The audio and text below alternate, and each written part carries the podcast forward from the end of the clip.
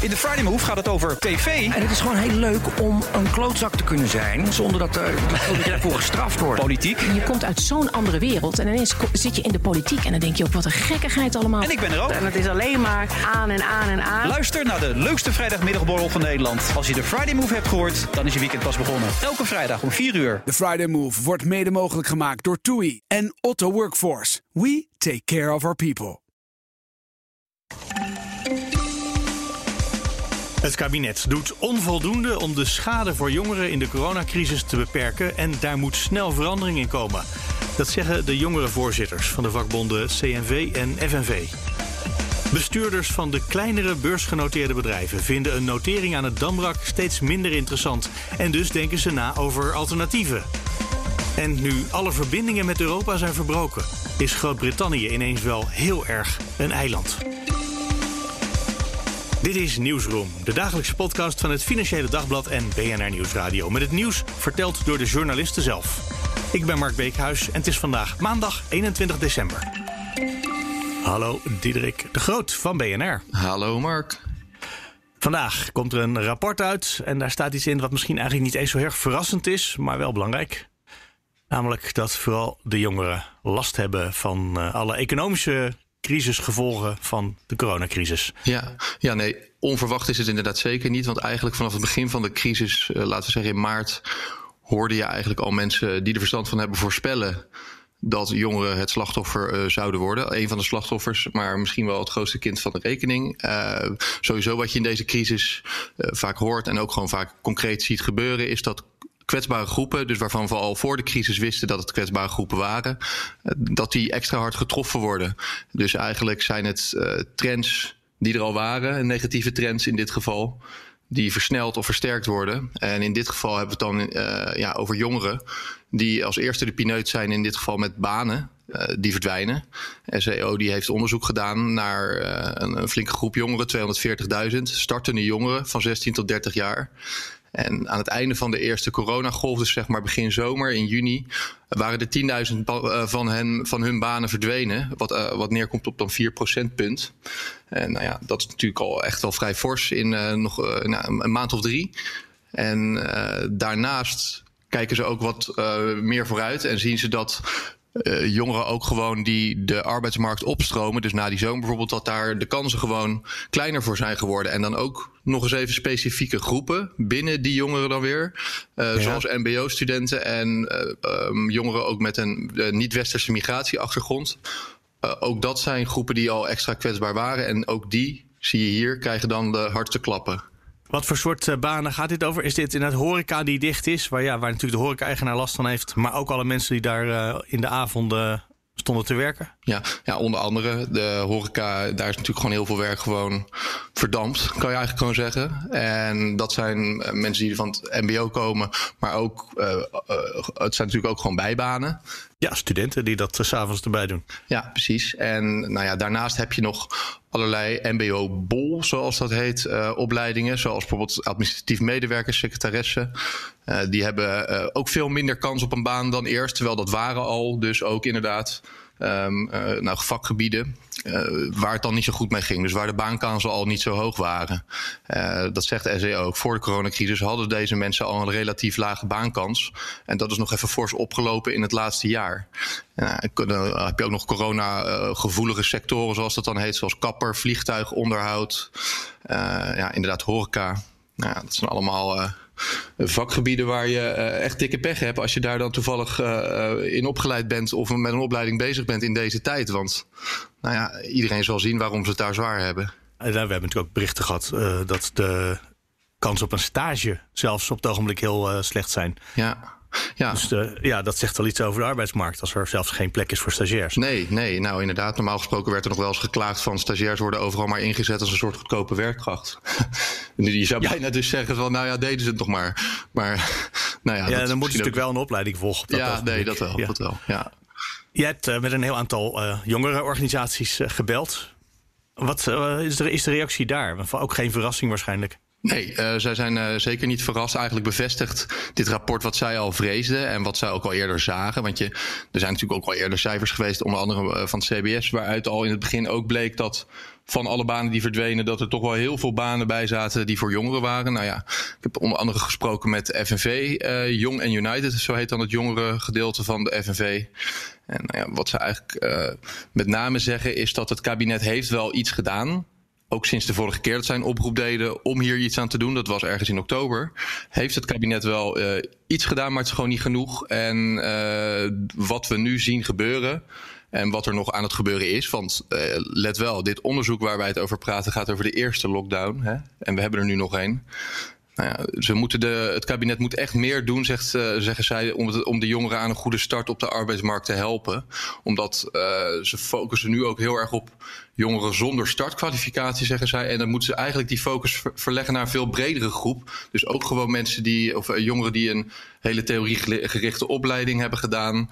En ook inderdaad, wat ik al zei, dus jongeren met een niet-westerse migratieachtergrond. Als je ziet nu dat deze groepen extra hard worden getroffen, terwijl het al uh, vaak mensen zijn die in een lastige situatie zaten, dan, ja, is daar dus maatwerk voor vereist, zeggen zij. Nou ja, dan heb je ook nog aan de andere kant CNV, jongeren, die, die zijn het in principe allebei wel met elkaar eens. Uh, maar waar zij dan nog meer de nadruk op leggen, is dat het kabinet is al gekomen met een regionale aanpak om baankansen voor jongeren te vergroten. En uh, de toestro uh, de, de, nou, hun entree op de arbeidsmarkt te vergemakkelijken, zal ik maar zeggen. Ja.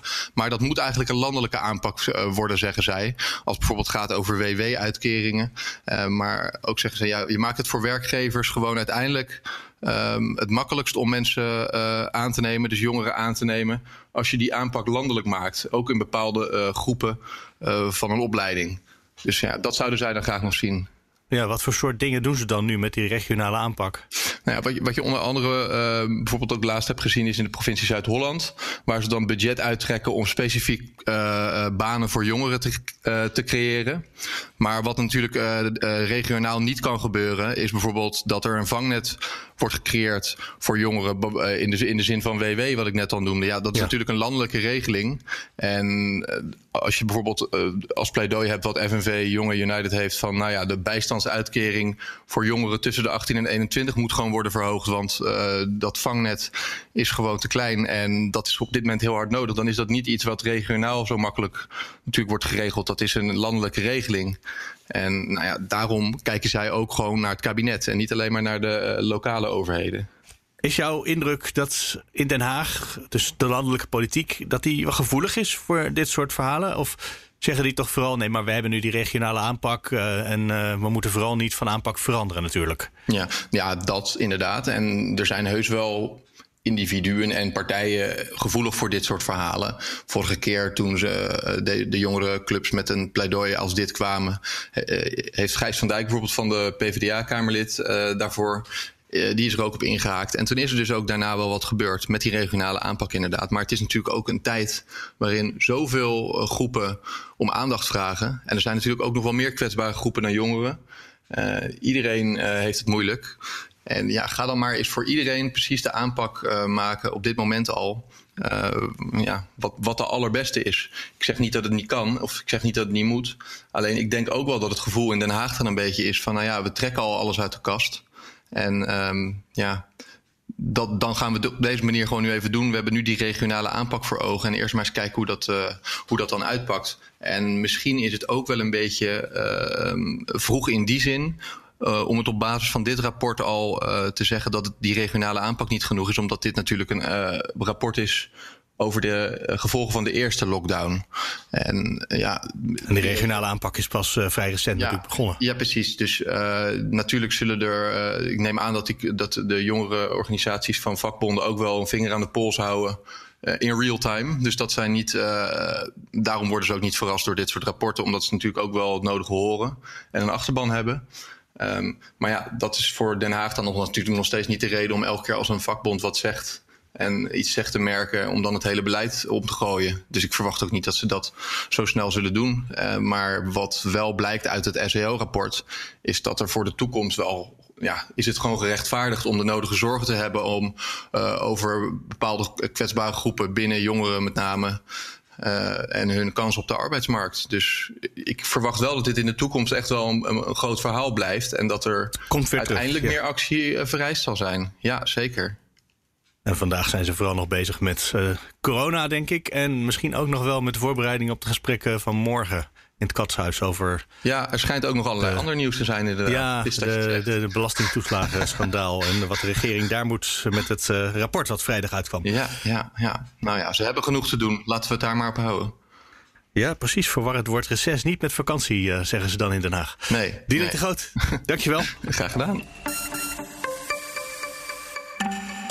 Hallo, Sonny Motke van het Financieel Dagblad.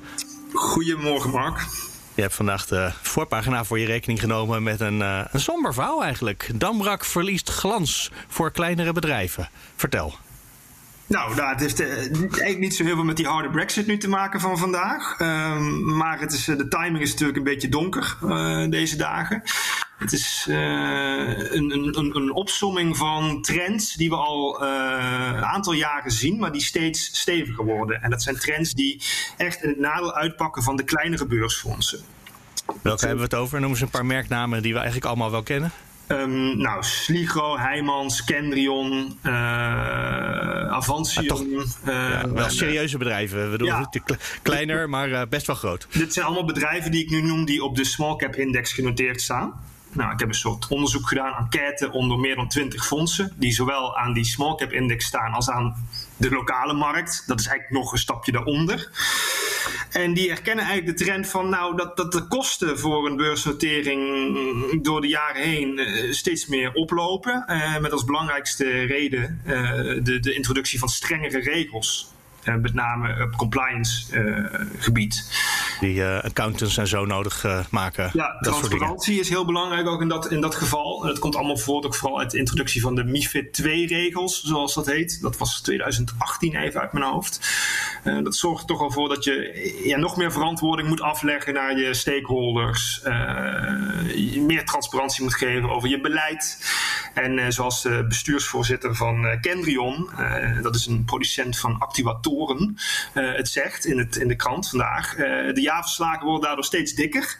We moeten overal rekening, rekeningeving voor geven. Alleen ja, het kost ons vooral heel veel, maar de verhandelbaarheid wordt er niet beter van, van het aandeel. sterker nog, wat zegt het eigenlijk over hoe wij, de beur, hoe wij het fonds runnen? Dat is van belang. En dat zit toch vooral bij ons persoonlijk en niet in al die lettertjes op papier. Maar dan weten beleggers toch ook wel dat het eigenlijk daar zit? Ja, maar uh, beleggers, uh, zeker grotere beleggers, gaan ook af uh, op, wat ze op papier zien. Kijk, de, grote institutionele partijen, daar gaat het vooral om. Daar, daarvoor wil je aantrekkelijk zijn hè, als beursfonds.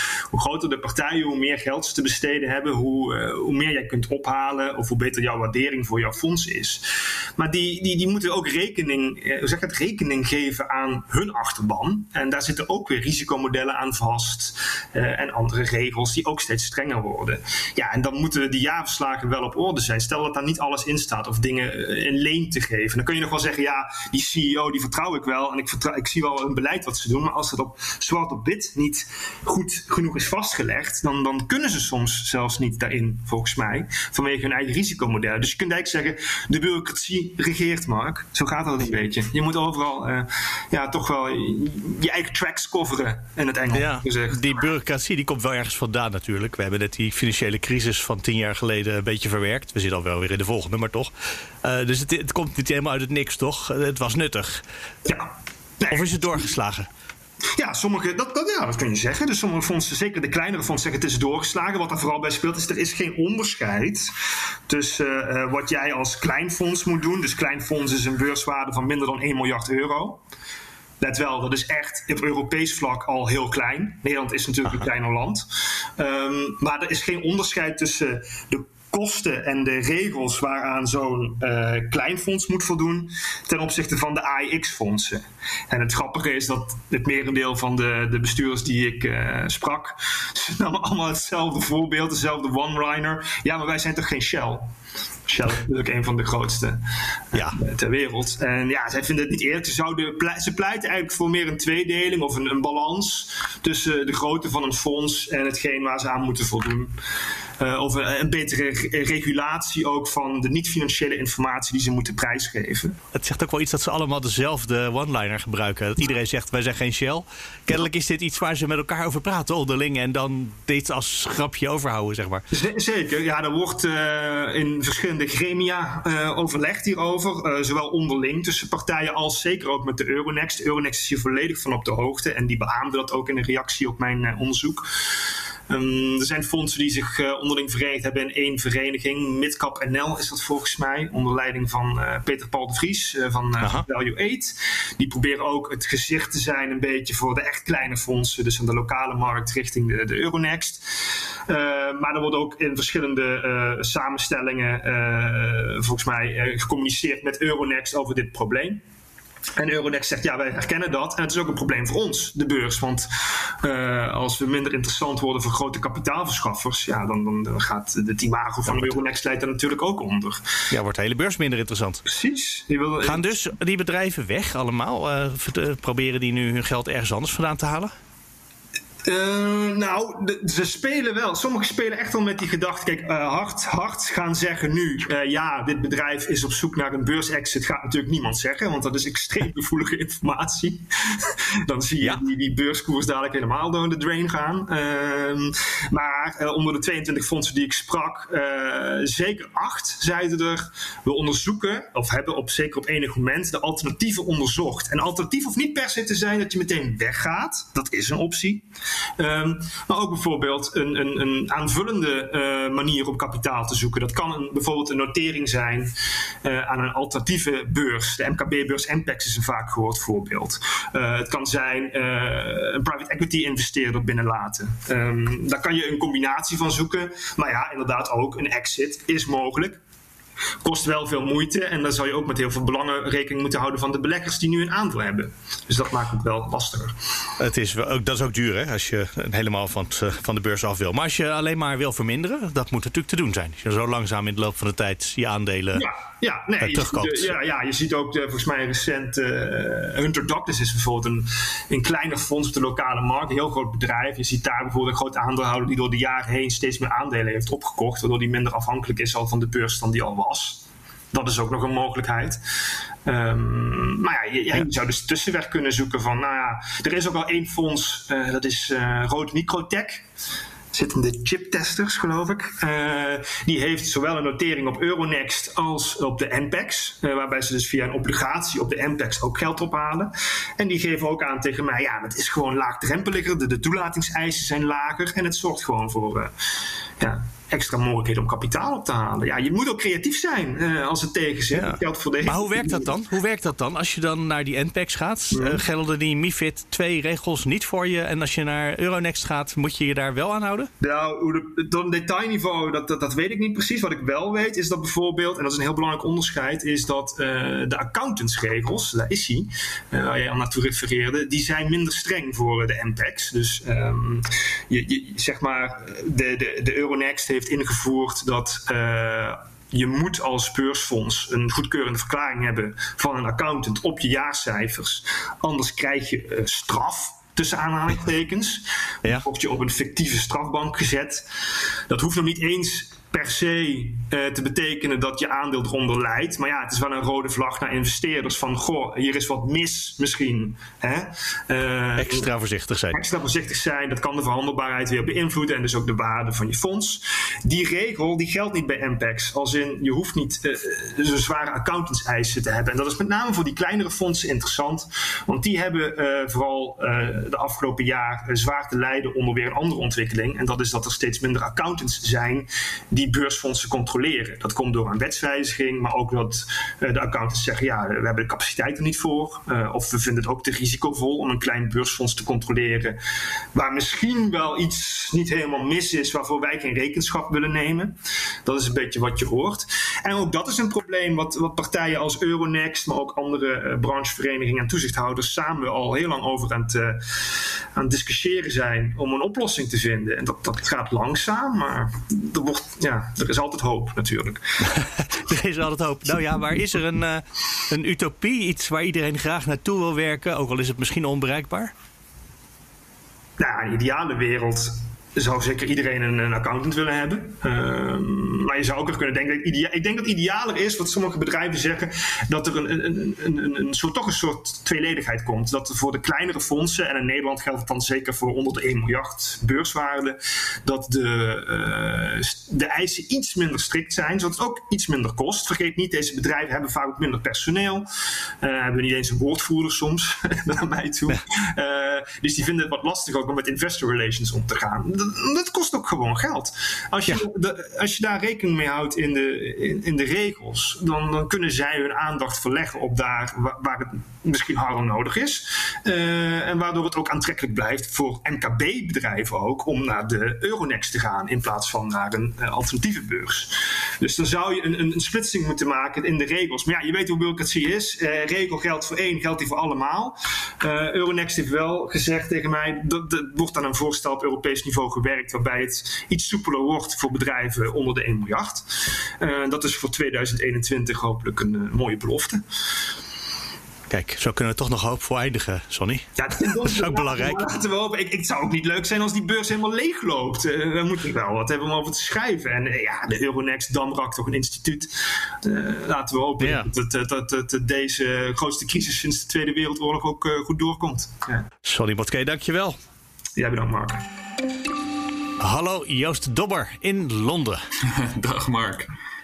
En dat in Londen, dat zeg ik er maar nadrukkelijk bij. Ja, jullie zitten in een lockdown, hè? Dus uh, mag je eigenlijk de straat op op het ogenblik? Of uh, hoe streng is het? Uh, je mag de straat op. althans, de Londenaren mogen de straat op. Um, ja, alles is dicht. Het is gewoon weer een ouderwetse, ouderwetse lockdown.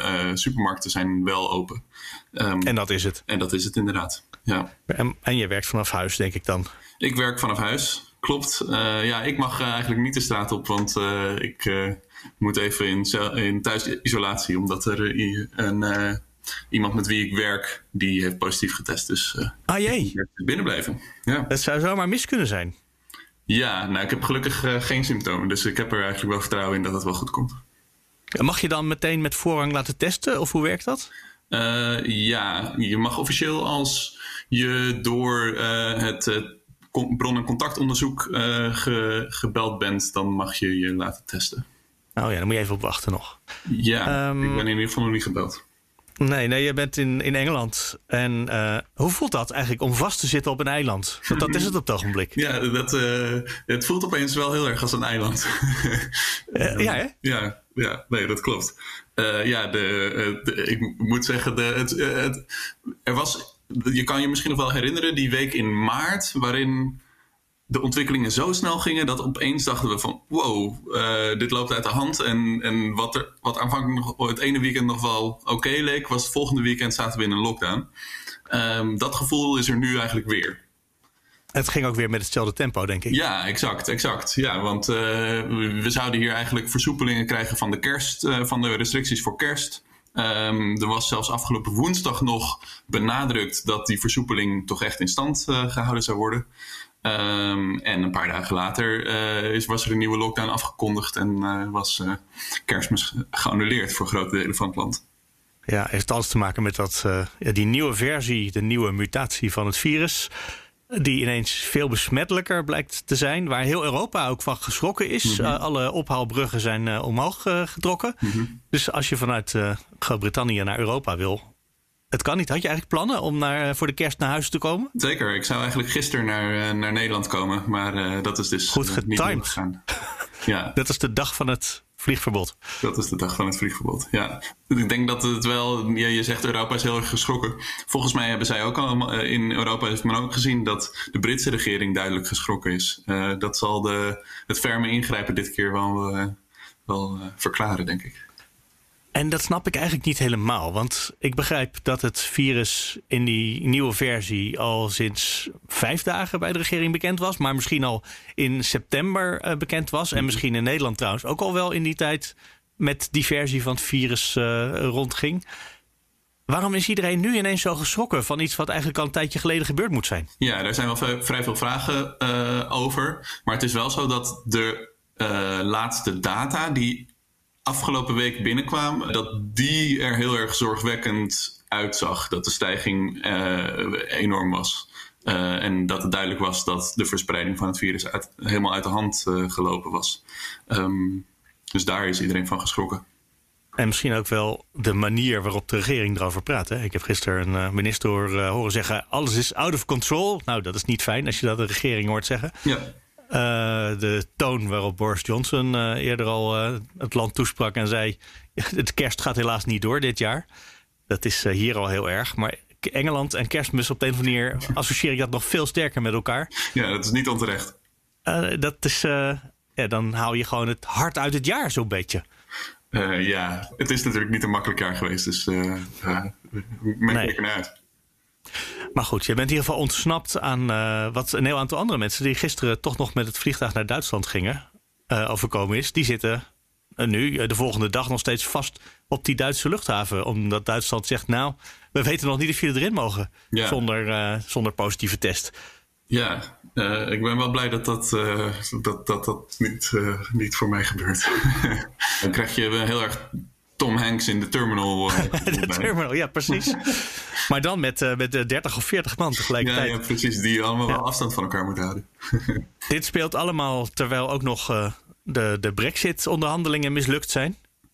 Heeft iemand het daar nog over? Of is het echt nu puur alleen uh, corona? Als je, nou, zeggen, als je over straat gaat, maar dat doe je dan dus even niet.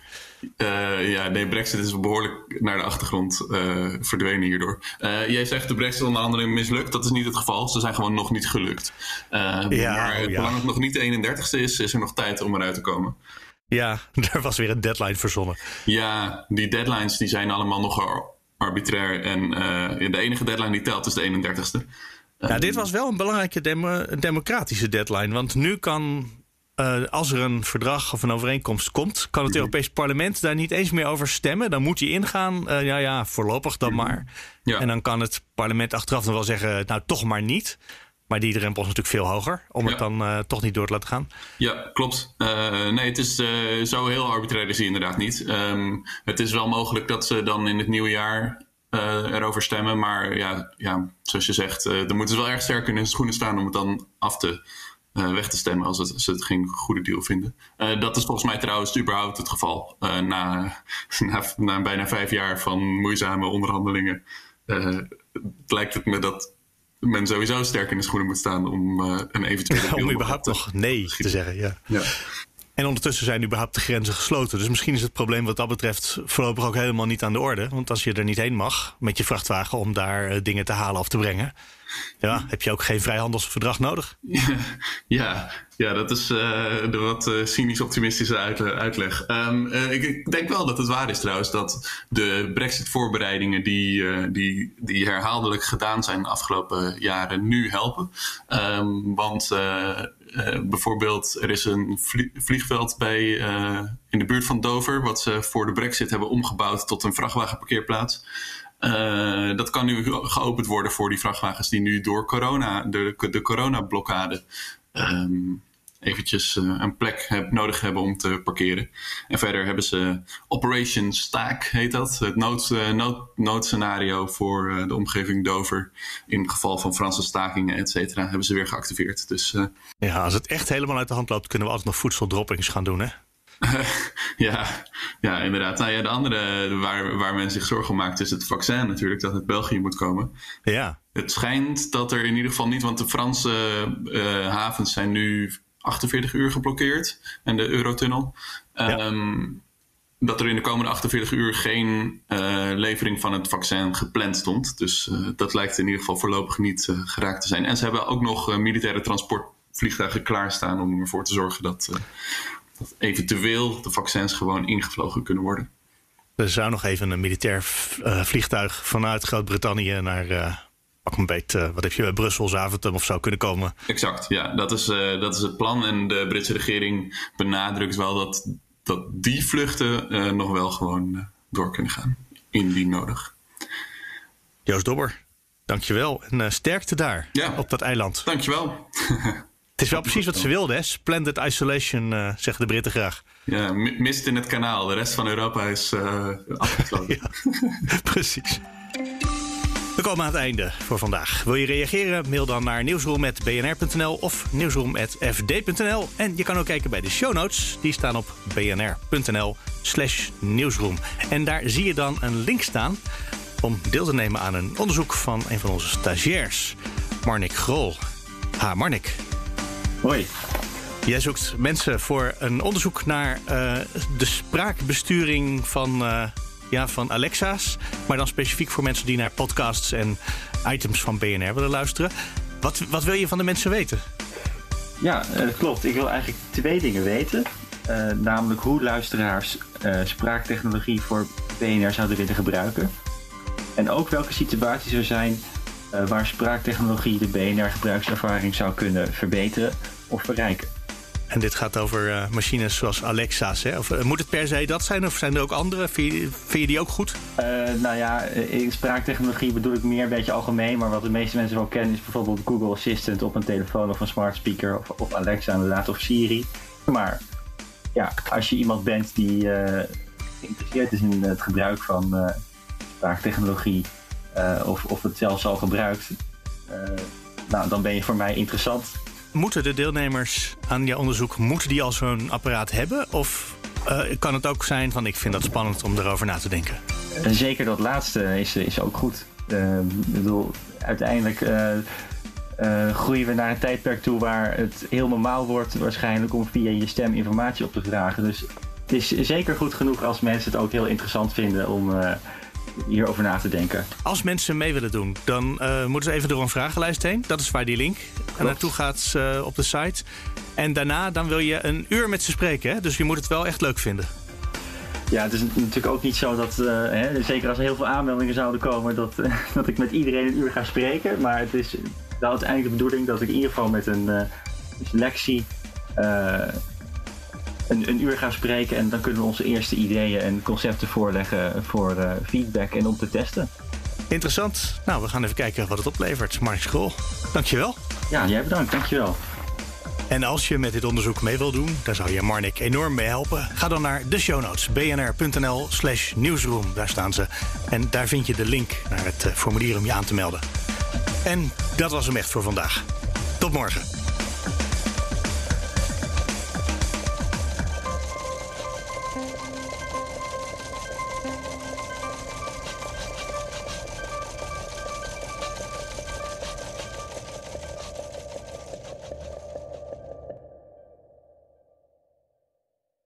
Software. Uw bedrijf kan niet zonder. Maar hoeveel u ook investeert, u loopt steeds tegen de grenzen van uw systemen. Stap daarom zonder risico's over op de software van Codeless. Die kan worden aangepast aan uw unieke bedrijfsprocessen. Welke ambities u ook heeft, uw software is er klaar voor. Kijk op slimsoftwarenabouwen.nl